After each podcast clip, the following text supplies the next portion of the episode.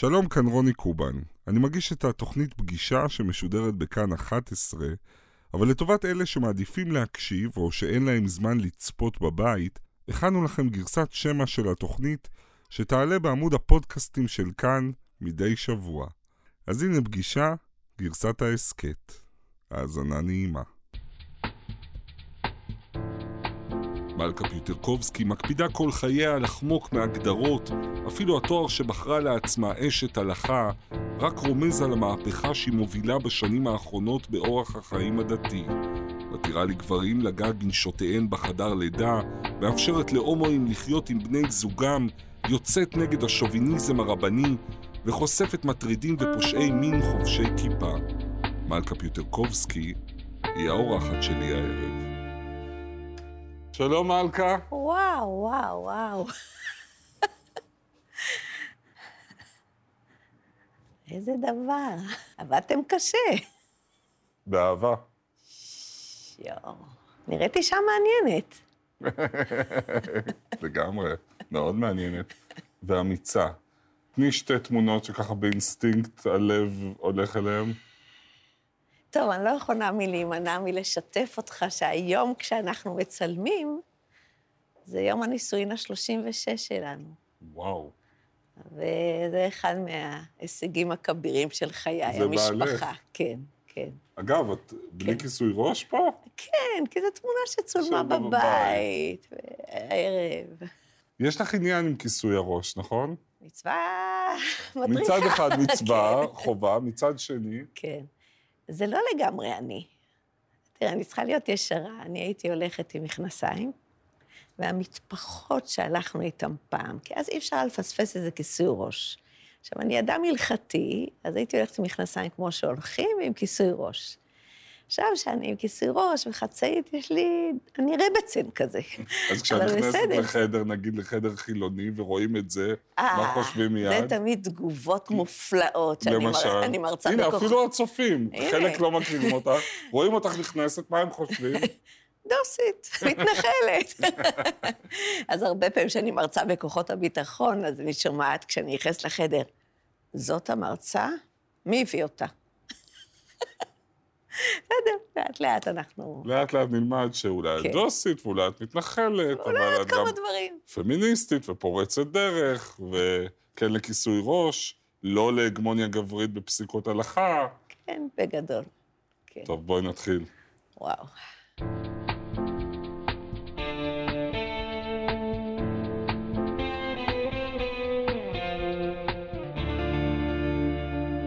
שלום למלכה פיטרקובסקי, שלום וברכה. אחת הנשים פורצות הדרך במגזר הדתי, מורה ופוסקת לדתיים ולחילוניים כאחד, פעילה חברתית שהייתה בין מקימי הפורום תקנה לטיפול בתלונות על פגיעות מיניות בציונות הדתית ומניעתן, מחברת הספר מהלכת בדרכה, אחת ממס... הרבה יש, כן? בוא תשאיר משהו להספד. חס וחלילה.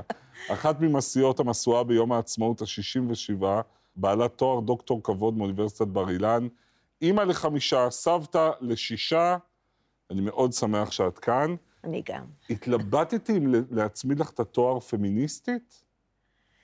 עזוב, כל סיפור חיי הוא שאין לי תואר. תמיד כשמזמינים אותי להרצאות, אומרים, רגע, אז את רבנית? לא, רבנית זה אשתו של הרב, אז את מה את? אז נוצר אשת ההלכה. פמיניסטית, אני אגיד לך, אני פועלת מתוך העולם ההלכתי, כדי שהוא לא יגרום חלילה עוול, ולא אכפת לי אם אתה ילד, גבר, אישה, חילוני, דתי. חילוני, דתי, זה לא מעניין. זה לא מעניין. בכל מקום שההלכה, כפי שמפרשים אותה, גורמת עוול, גורמת כאב, את מנסה למצוא את הדרך שזה ישביח. כן, אני רואה את עצמי קצת כמו מטפלת זוגית.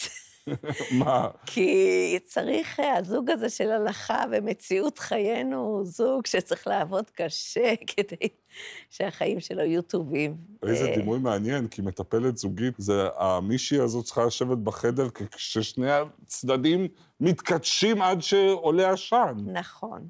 בוא ניקח נושא שנראה לכאורה כאילו אין לו פתרון הלכתי. אוקיי. גברים שיש להם נטייה חד-מינית. וואלה, המציאות שמת אומרת את זה. על השולחן את הדבר הכי קשה שתמיד מטיחים בך, נכון. שלא הצלחת להתמודד איתו, כי הצלחת אה. להתמודד, תכף נשמע אם כן הצלחת. עכשיו, ברגע שניצב מולי הבחור הראשון, לפני כמעט 20 שנה, והבנתי אחרי מסע שעשינו שנינו יחד, שהבחור לא נמשך לנשים, והוא נמשך לגברים, עוד איך, והוא בחור דתי בכל נשמתו, באמת בעומק ליבו. אמרתי בליבי, גברת, יושב מולך אדם שרוצה לעבוד את הקדוש ברוך הוא. יש לו זהות מינית מסוימת, יש לו זהות דתית מסוימת, ואת לא תאמרי לו בשום אופן למחוק את אחת הזהויות האלה, או לא לחיות עם שתיהן יחד.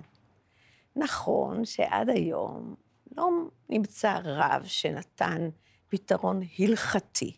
אני כן עובדת עם החבר'ה, ואני חושבת שאנחנו חייבים להם את זה, במיוחד אם אני צועקת כל היום תורת חיים, תורת חיים. תורת חיים זה לספק למי שיושב מולי והוא רוצה דרך לחיות בה, את הדרך הזאת. לתת לו את הדרך. אנחנו מצלמים את התוכנית הזאת שבועיים וחצי אחרי שהעיתונאים אהרון רבינוביץ' ושירה אלק מפרסמים בעיתון הארץ תחקיר שחושף שהסופר החרדי הכי פופולרי, חיים ולדר, פגע מינית בשלוש נשים, ועשרה ימים אחרי שהממסד החרדי באופן מפתיע מחליט להקיא אותו מתוכו, להוריד את הספרים מהמדפים, להשעות את תוכנית הרדיו. תרבות המיטו הגיעה גם לעולם החרדי, היום קל יותר, בתור מישהי שעשרות שנים עוסקת בזה. אני שמחה על הרוחות שנושבות. אנחנו עשינו להם הרבה פו כדי שינשבו. באמת, כי זה שבכלל נפגעת, שוקלת, שוקלת לספר למישהו שפגע באדם בסדר גודל של חיים ולדר, זה רק בגלל שנפגעות רבות קודם עשו את זה לפניה, והן קיבלו את האומץ כשהן ראו שיש בכל אופן אנשי ציבור שמוכנים לעמוד לימינם של הנפגעים והנפגעות. ואת היית אחת הנשים הראשונות, את עוסקת מ-2003 במסגרת פורום תקנה בטיפול בתלונות על הטרדה מינית מצד רבנים, אנשי חינוך בציונות הדתית. עכשיו, הרעיון של תקנה הוא לפעול בדיסקרטיות במקרים האלה, לשמוע את הצדדים, לאסוף עדויות, ואם יש בהם ממש להטיל על הפוגע סוג של עונש, זה לא בדיוק עונש, זה מניעת הפגיעה הבאה. אז חשוב להדגיש, אנחנו עובדים תחת עיניו הפקוחות של היועץ המשפטי, המשפטי לממשלה. זאת אומרת, זה גוף שפועל במקביל למדינה תחת כן. פיקוחה. כן, אוקיי. תחת פיקוחה. ובאישורה. כן, לפעמים היועץ יכול לומר, אחרי דיווח על הפגישה הראשונה עם הנפגע או הנפגעת, סטופ. המקרה עובר אליי, וקרו דברים, ובמקרה אחד, למשל, הבן אדם ישב בכלא ארבע וחצי שנים, בגלל שהתחיל הליך משפטי, בזכות הקשר הזה. את יכולה לתת דוגמה לפנייה של אישה שהעוול היה משהו שלא יכולת לשאת אותו? בלי סוף, אונס. אונס, ולעיתים אלים. יש, יש הרבה דברים מאוד מאוד מאוד קשים. אולי הסיפור הכי מפורסם שהפורום טיפל בו, וגם הכי כואב מבחינתך, הייתה פרשת הרוב מוטי אילון. קחי אותי אל הסיפור הזה, איך הוא התחיל? מבחינתי הוא התחיל בזה שמוטי ואני היינו ידידים, ותמיד נפגשים בשמחה גדולה, ואני מגיעה למסיבה אצל חברים משותפים, כדרכי, מחייכת, מאירה פנים, אומרת לו שלום, והוא מסובב לי את הגב. וזה היה ממש תגובה של אדם שמאוד מאוד נפגע ממני ממשהו. ואני פשוט התקפלתי, אמרתי, מה, מה קרה? ואז זה קרה עוד כמה פעמים, ולא היה לי מושג מה עשיתי לו. הסתבר שפשוט הוא, בכל התקופה הזאת, טופל בתקנה. אני לא הייתי בהרכב שטיפל בו, והכל מאוד דיסקרטי. לכן לא היה לי מושג שהוא מטופל בתקנה. הוא חשב שאני ודאי יודעת, ורק משחקת אותה להגיד לו שלום יפה. ונודע לי רק כאשר היה ברור שצריך לצאת עם אזהרה לציבור. היה אחד הימים היותר קשים. ולמי שלא מכיר, הרב מוטי אילון, הוא היה דמות, עד כמה מר- מרכזי הוא היה בציונות הדתית? מה זאת אומרת? קראו לו האדמו"ר של הציונות הדתית. אה, איש אהוב, אבל גם בקרב הציבור החילוני. בהרצאות שלי ברחבי הארץ, הרבה פעמים אנשים אומרים לי, איך, איך לקחתם עדיין? לנו את הפרשת שבוע לפני כניסת שבת? והוא באמת איש עם הרבה מאוד זכויות, אני מוכרחה לומר. אבל זה מה שחשוב להבין, הוא אדם עם הרבה זכויות. שככל הנראה יש לו קושי בתחום הזה, שהוא מאוד מאוד פוגעני. אמרת שהרגע שהייתם צריכים לצאת לתקשורת הוא היה הקש... אחד הקשים בחייך. בצומת כזו, שצריך לעשות מעשה שהוא לא נעים בלשון המעטה. את יודעת שהוא יגרור מחירים כבדים, גם לעצמך, גם למשפחתך. לי לפחות עוזרת המחשבה שאם אני לא אעשה את זה, אחרי 120, הקדוש ברוך הוא יגיד לי, תגידי, את יודעת שיש אדם שפוגע, למה לא אמרת כלום? למה לא הזהרת את הציבור? והאמת היא שכשאומרים לי שאני אמיצה, אני אגלה לך את האמת, אני מה זה פחדנית. אני רועדת ממנו, ממש. כי הוא בעיניי סמל של איזה סוג של אמת שחייבת להיות נר לרגלינו. ויש לנו כל כך הרבה סיבות טובות לברוח ממנה לפעמים, וצריך משהו שיישר אותנו. אמרת שהילדים נפגעים, ש... כן. שהמשפחה... כן. יכולה לתת דוגמה איזה מחיר הם היו צריכים לשלם? לפני כמה שנים אה, הייתי מעורבת במאבק, מאבק האיתנים שכשל אה, למנוע את סגירת המחלקה ההמטו-אונקולוגית ילדים בהדסה עין כרם. ואני חשבתי שמי שאחראי לחרפה האיומה הזו, זה קודם כל ראש הממשלה שהיה דאז, בנימין נתניהו, אבל באופן ישיר שר הבריאות שהיה ליצמן, ודיברתי על זה. דיברתי על זה בתקשורת, ניסיתי לעורר את הלבבות. ובאחת הפעמים שנסענו לאוהל המחאה, הבת שלי ואני, אז הגיע החדשות של השעה אחת, ואנחנו שומעים ששר הבריאות, יעקב ליצמן, שוקל לתבוע תביעת דיבה את הרבנית מלכה פיטרקובסקי. אני צעקתי, יש! והבת שלי אמרה, אמא, נו! אמרתי לה, למה את כועסת? הלוואי שיתבע אותי. היא אומרת, אמא, תפסיקי לשחק את הגיבורה. זה מלחיץ, עזבי אותך, זה לא נעים. אני נוסעת איתך ככה, ופתאום אני שומעת שמישהו רוצה לתבוע אותך דיבה ועוד מי? אמרתי לה שרק ינסה, אין לנו ברירה. את מאמינה עדיין היום בכוחו וחשיבותו ויכולתו של הפורום אה, להתנהל? זה מורכב. זה מורכב, וגם קצת כאוב. יש עדיין מקום לשיטה של תקנה, לטיפול הדיסקרטי, שאף אחד לא יודע מי הפוגע ומי הנפגע, אלא אם בסוף הוא מפר את מה שגזרתם עליו. יש לא מעט בעיות עם הדיסקרטיות, במיוחד, וזה אני אומרת בכאב ענק, שאחת מנקודות החולשה האדירות של הפורום זה שאין לנו באמת דרך לעקוב צמוד אחר פוגע שהוא באמת לא חזר לפגוע. היום אני במקום שאני אומרת, עם כל הכאב, בשביל להפסיק את התופעות האלה או למזער אותן, אני רוצה שלפני שאתה חולם לפגוע, תגיד לעצמך, מה, אני משוגע? כל העולם ידע מזה. ולא תגיד לעצמך, אה, אני מפורסם, גם אם היא תספר, היא בחיים לא תעיז, אבל גם אם היא תספר, מי יאמין לה? ובשביל לומר, אני רועד מפחד שזה ייוודע, כן, דברים צריכים להיוודע.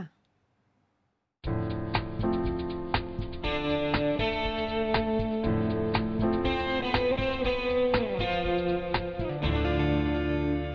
חוזרים להתחלה. אה, את גדלת באשדוד, ואחר כך בירושלים, בבית של ניצולי שואה. הנה כן, אבא. כן, כן, ואימא. אימא. כן. עכשיו, בבית יש חמש בנות. לא עליך.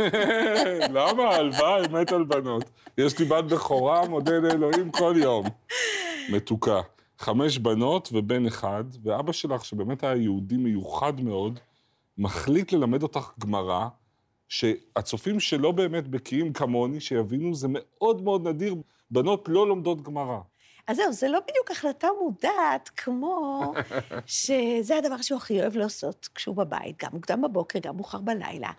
ואני מאוד סקרנית, ואני הבת השלישית, אז יכול להיות שכבר הייאוש החל מחלחל לליבו, שבן אני כבר לא אראה פה. והוא מאוד רוצה להדביק באהבה הזאת, והוא מרגיש שאני מאוד רוצה להידבק בה.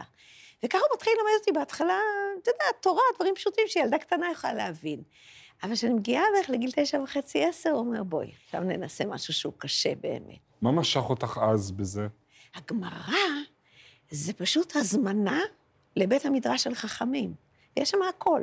המריבות ביניהם, ההסכמות, המחלוקות. לגבי ההלכה, זה סיפור עוד יותר מורכב.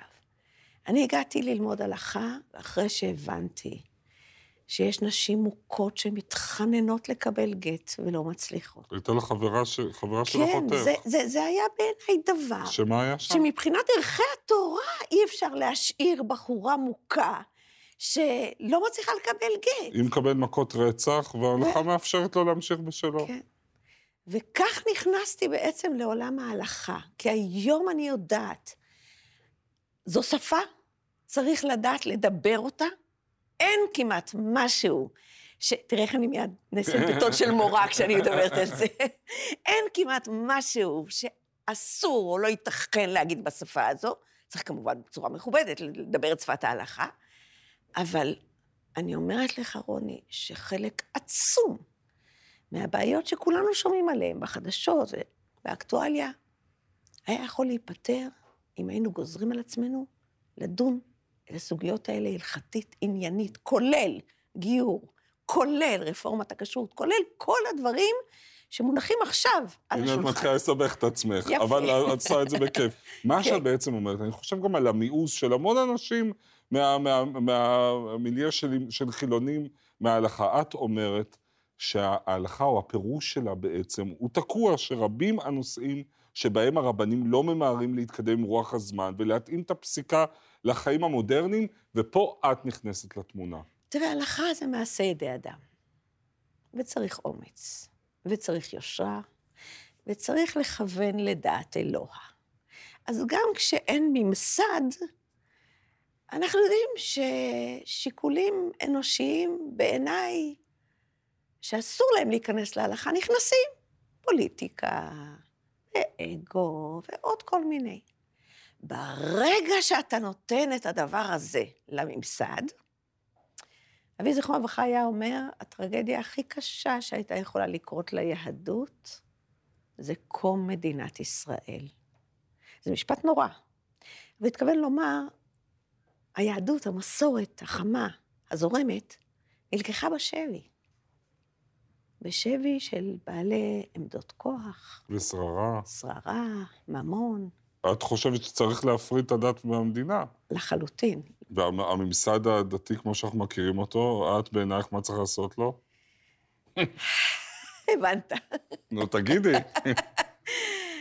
צריך לפרק אותו. לגמרי, לגמרי, לגמרי. צריך למצוא דרך ממלכתית, להסדיר דברים. יש הרבה פסיקות שקשורות לנשים אה, אה, שבהן שיבחת חיים של בני אדם. למשל, אסור לבעל ואישה במגע מרגע שמתחילה לידה, נכון? כן. ובאים, אל- בא אלייך מישהו ו... או מישהי. אתה יודע, אני עמדתי ללדת כשהייתי ילדונת בת 22, ובשאלת רב, רב אמר, לא דיברנו על לגעת, לא חלמנו שאפשר להתיר מגע. דיברנו על זה שהוא יהיה איתי באותו חדר, בחדר לידה. כן. ורב אמר, מיידלה, אני מצטער, אי אפשר להתיר את זה, שאימא תלווה אותך. המיידלה הזה עלה לו ביוקר. מה זה ביוקר?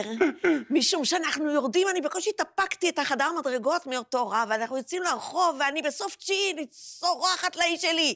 עכשיו, אתה לא מכיר אותו, אבל הוא בחור, מה זה מותק? לא הבין מה, מי נפלה עליו. הסתכל עליי, אמר לי, מלכה, מה אפשר לעשות? זה הלכה. אמרתי, זה לא. והייתי צריכה פשוט להגיד לעצמי, מלכה, לעת כזאת הגעת למלכות. את יודעת מה זה חדר לידה? את יודעת מה זה אישה יולדת? את יודעת בעיקר על מה מבוססים חיי הזוגיות. על חברות עומק. אז גם אם אימא שלי יכולה לעשות לי ככה בלידה, כשהבעל שלי עושה לי את זה, יש לזה משמעות אחרת. וכן, נלחמתי על זה שנים, לא הסכימו, עד שברוך השם, אחד מגדולי הדיינים כתב שבהחלט כן אפשר. מה שחשוב הוא אבל, שאני ביססתי את זה על מבנה הלכתי. על ההלכה עצמה. זה הסיפור. כן, את הוכחת להם, כמו במשוואה מתמטית, שההלכה דווקא יכולה להתיר את זה. בדיוק. מה, גם לגבי, וואו, אנחנו נכנסים פה לשדות מוקשים, שעת, שעת, שעת. והכל על יד הקיר. גם, שישמעו הצופים, גם לגבי אמצעי מניעה והפלות, מה שנקרא תכנון משפחה, יש לך עמדה מאוד חריגה בנוף. את אומרת כן. מותר, להפך, את כן. אומרת כדאי, צריך לתכנן את המשפחה. כן, זה אחד הפרקים שכתבתי בספר. הטענה שלי היא שעם השינוי במעמד האישה, ובכלל, השינוי של מבנה המשפחה, זוג היום, לא רק שמותר לו, בעיניי זו חובתו לתכנן ילודה. תראה, רוני, יש פה איזה אבסורד זועק לשמיים. אנחנו הנשים פטורות ממצוות פרו ורבו. איך יעלה על הדעת שממצווה שאנחנו פטורות ממנה, רבנים עומדים עם אקדח ברקה ואומרים, לא, את תלדי. מי שקצת התנסה בגידול ילדים, יודע שזה דבר שצריך בשבילו פניות, וכוחות, וכסף, כן, גם כסף. ואי אפשר ככה ללדת ילדים בלי שאתה שואל את עצמך, או בני הזוג שואלים את עצמם, יש לנו את היכולות לעשות את זה? כדאי להביא ילד נוסף? תהרוג את הבן אדם בשביל המצווה הזו? לא בספר הלכה שאני מכירה.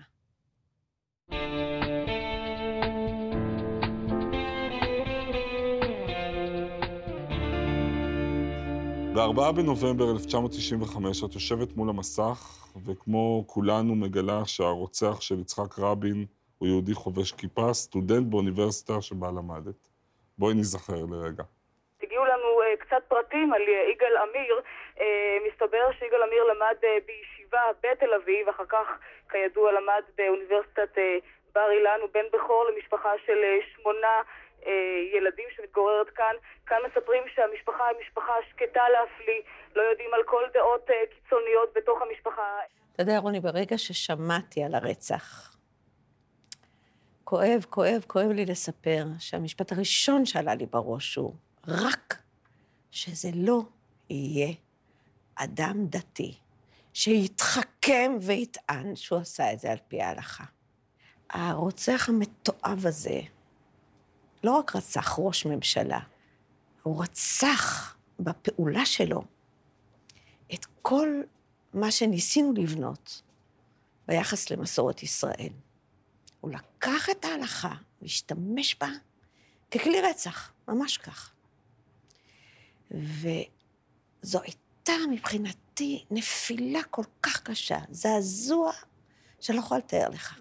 וברמה האישית, את כאישה דתייה, את שייכת למגזר שרבים ראו בו אשם, המגזר שממנו יצא הרוצח, ואת גם חוטפת כבת המגזר. כן, כן, אני באותם זמנים, אני סטודנטית לתואר שני באוניברסיטת תל אביב, ואני אחרי הרצח מגיעה לאוניברסיטה כדרכי. אני חושבת שאני לעולם לא אשכח את הדרך באותו בוקר מהאוטו לפקולטה, כאשר אף אחד לא הרים עליי יד, זה נכון, אבל פשוט אנשים צרחו עליי, אנחנו לא רוצים אתכם פה. תעופי מפה. אתם, כשאתם משכילים, אתם יותר מסוכנים. אתם הדתיים. אתם הדתיים, אתם המתנחלים.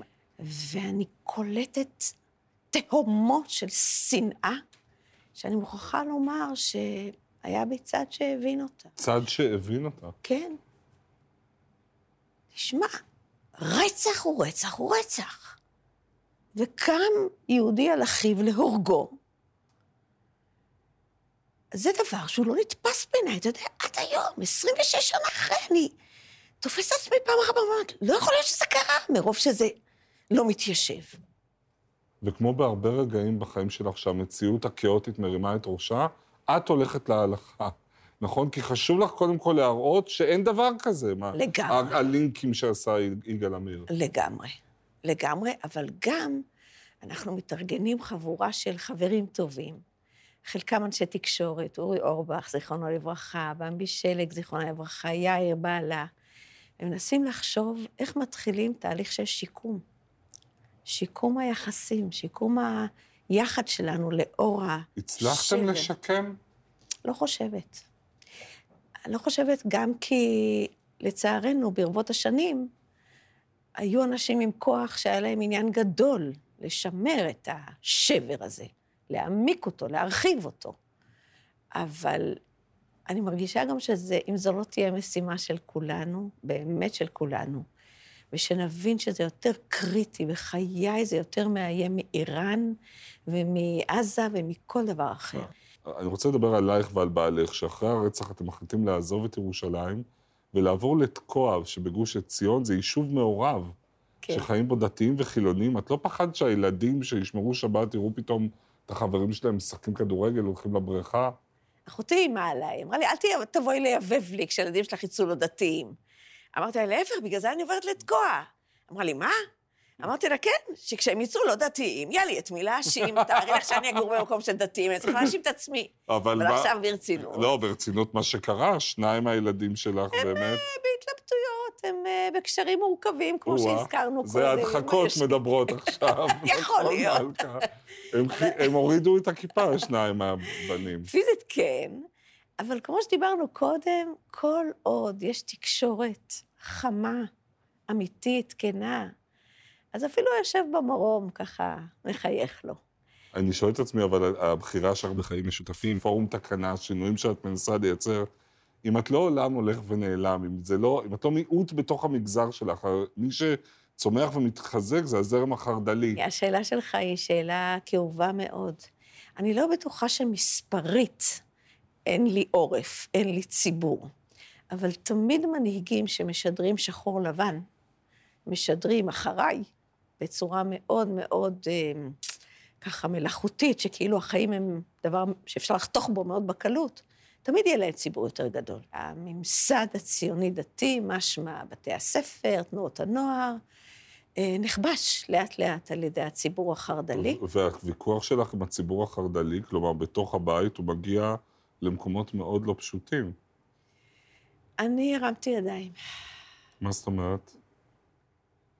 אני חושבת שאנחנו שני ציבורים שונים, גם אם לכאורה גדלנו יחד בבני עקיבא. וואו. הגיס שלי, אח של בעלי, זיכרונו לברכה, היה מנהל של קבוצת בשבע, של ערוץ שבע, עיתון בשבע. והיו לנו ויכוחים מאוד מאוד נוקבים, כי בעיניי זה ציבור חרדי, שאולי, בשונה מהציבור החרדי, מקדש את ארץ ישראל. אני לא יודעת, אני לא מצאתי בכל התורה כולה שארץ ישראל יותר קדושה מבין אדם לחברו, מלדאוג לאזרחים שאינם יהודים במדינה. לא מצאתי את זה בתורה. כנראה שהבעיה היא בי. אני הרמתי ידיים. ואת שומעת לאחרונה את הגידופים והקללות והאיומים שיוצאים מתוך הבית שלך נגד ראש הממשלה והשרים, האיומים הקשים. מה עובר לך בראש? כבר עברנו את הנורא מכל, תפקחו עיניים, תחנכו לחשיבה מורכבת. לא כל ראש ממשלה שהקים ממשלה עם ערבים הוא בוגד. די. תתעמתו, ת, תשאלו שאלות נוקבות. אבל מה הטעם לכל ההכפשות האלה, לאיומים? השר מתן כהנא צריך להסתובב עם שומר ראש, על מה? על מה? האיש הזה לא עושה דבר מנוגד להלכה, אני אומרת לך את זה באחריות. הוא כן עושה לא מעט מנוגד לעסקונה. כן, כן, הרבה בעלי הון ייפגעו קשות מהרפורמה של אה, הכשרות. על זה הוא צריך ללכת עם שומר ראש? אנחנו איבדנו לגמרי את, את כל הבלמים שלנו.